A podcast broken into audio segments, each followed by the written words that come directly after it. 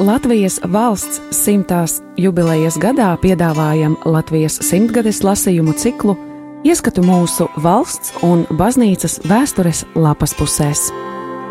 Julians Vaivots Septiņi mēneši Liepājas cietoksnī.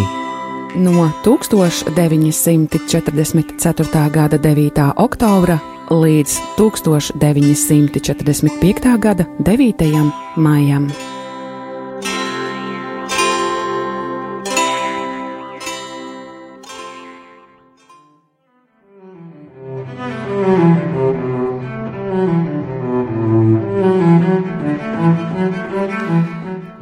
1945. gada 18. aprīlī.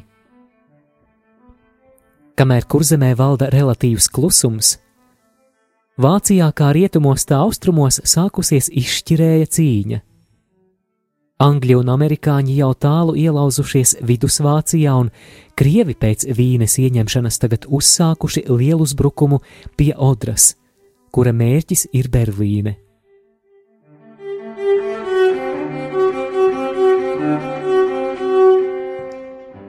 Vācu vadība to jau paredzējusi un uz to attiecīgi reaģējusi. Vispirms doktors Gēbels 15. aprīļa Das Reich numurā publicējis rakstu Izšķirīgais ir paša dzīvība, kurā visus vāciešus aicina cīnīties līdz pēdējam, lai iegūtu laiku, jo šajā kara stadijā iegūt laiku nozīmējot iegūt visu. Gebels tālāk noteikti apgalvo, ka vadonis atradīs izēju no dilemmas, un ka tādā veidā atkal varēs tikt atjaunota šī kara šķietami zudusī jēga. Pārfrāzēdams agrākos vadoņa vārdus, viņš teica, ka šis karš izšķiršoties tikai sekundi pirms 12. Tāpēc doktors Gēbels teica, ka katrs, kas nepilda savu pienākumu, bez žēlastības būs jāsauc pie atbildības jo tikai tādējādi šais kritiskajos laikos varot uzturēt disciplīnu.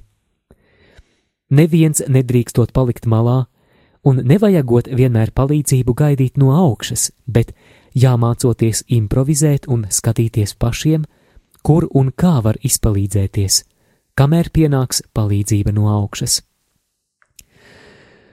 Katram vadošam armijas un partijas vīram jāiet pa priekšu kā labam paraugam, Atraušanās no ienaidnieka ir lēts paņēmiens un atkārtošanas gadījumos var paralizēt nacionālo pretestību. Un kur tad mēs vēl gribam atkāpties, vienreiz taču mums ir jāstājas ienaidniekam pretī. Tāpēc jau labāk darīt to tur, kur ir mūsu sēta un māja, kur dzīvojam un strādājam un pildām pienākumu, kur tagad mums pienākusi skaista, bet godpilna prasība cīnīties, uzvarēt un mirt uzsver beigās doktors Gēbels. No galvenās mītnes 1945. gada 16. aprīlī vadonis izdevis dienas pavēli austrumu frontes karavīriem, kurā uzsvērtas kā briesmas, kādas Vācijai tās galvaspilsētai un visai tautai draudot no Krievu ofensīvas – Tā arī izredzes to atspēkot un, pateicoties attiecīgai sagatavošanai pretuzbrukumam, minētās briesmas novērst. Kas šajā acu mirklī nepilda savu pienākumu, rīkojas kā mūsu tautas nodevējs. Pulks vai divīzija, kas pamet savas pozīcijas, rīkojas tik nosodāmi, ka viņiem būtu jākaunas no sievietēm un bērniem, kas mūsu pilsētās iztur bumbu teroru jo sevišķi uzmaniet tos nedaudzos nodevīgos virsniekus un kareivjus, kuri, lai glābtu savu nožēlojamo dzīvību, cīnīsies pret mums. Krievu algoti un varbūt pat vācu uniformās. Ja kāds, ko jūs pilnīgi nepazīstat, dos jums pavēli atkāpties, tad tūdaļ jāapcietina un nepieciešamības gadījumā acu mirklīgi jānogulda, pilnīgi vienalga, kādā dienesta pakāpē tas arī būtu. Ja šajās nākošajās dienās un nedēļās katrs karavīrs austrumu frontē pildīs savu pienākumu, tad arī pēdējais Āzijas uzbrukums sabruks tāpat, kā galu galā sabruks arī mūsu pretinieku uzbrukums rietumos. Berlīne paliks vācu, Vīne atkal kļūs vācu, un Eiropa nekad nekļūs krieviska. teikts pavēlē, kuru parakstīs Ādolfs Hitlers. Tūkstoš 945. gada 19. aprīlī. Jau agrāk rakstīju, ka nelaimīgi ir tie cilvēki, kas zaudējuši redzi. Tādi paši nelaimīgi ir arī tie, kam trūkst valodas. Valoda ir cilvēkam tas Rubikons, kuru neviens dzīvnieks nespēja pāriet.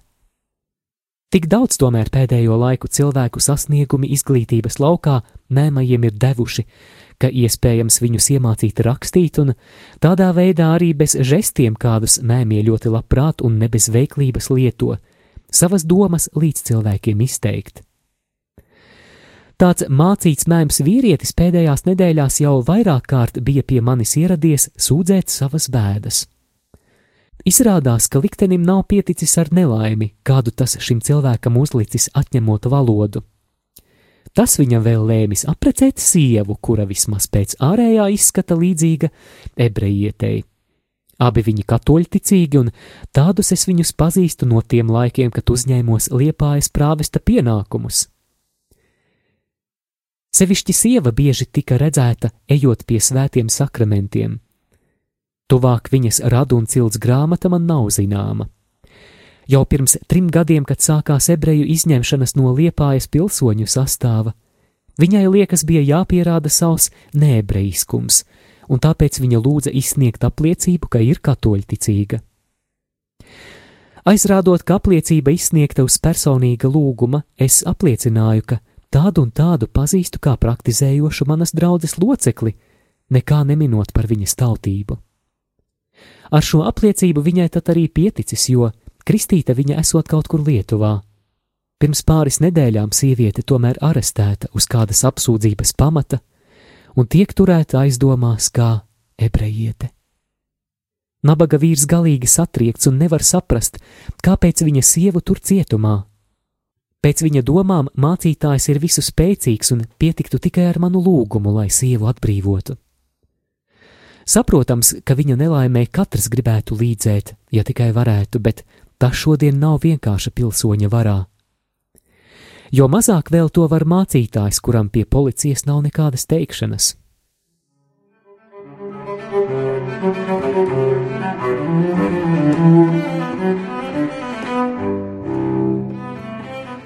Vakar vakarā minētais vīrs atkal ieradās un paziņoja, ka viņa sieva uz pāris dienām esot ievietota pilsētas slimnīcā un gribot izlietot gadījumu, lai pieņemtu svētos sakramentus.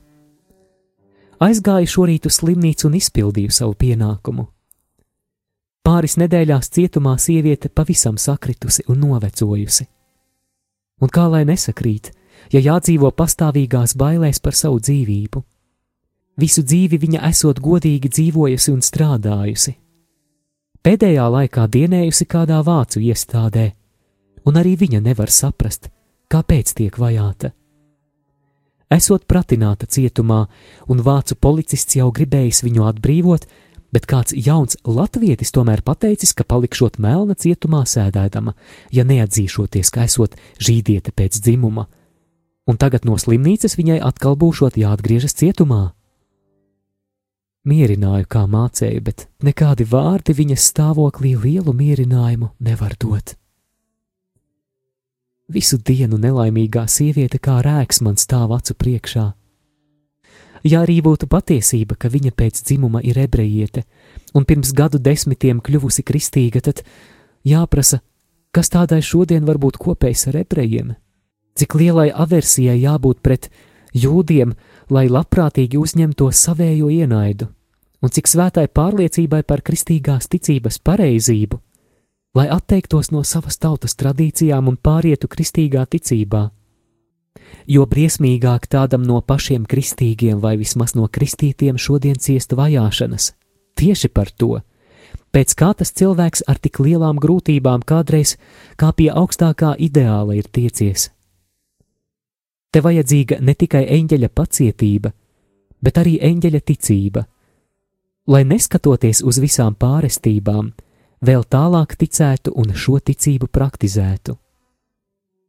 Kā redzat, Tomēr arī šodien ir tāda ticība, un minētā sieviete savā nelaimē meklē mierinājumu, tanī pašā ticībā, kuras dēļ viņa jau tik daudz ir cietusi. Ja tiešām kādreiz ir jūdiete bijusi, kā to policija grib pierādīt. Vai varbūt lielāka prāta aptumšošana par to, kāda skārusi hitleriešus? Pašiem karā lietās asinis jau smeļas mutē, un visai Vācijai valks uzlikts kaklā, bet vecos niķus par rasistīrīšanu vēl neatmet. Nu vai nav pareizs sakām vārds, ko Dievs grib sodīt, tam atņem prātu?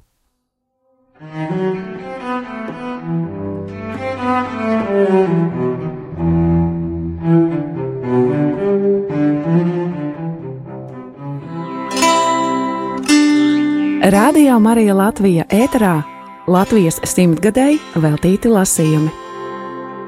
Julians Vaivots Septiņi mēneši Liepājas cietoksnī No 1944. gada 9. oktobra līdz 1945. gada 9. maijam.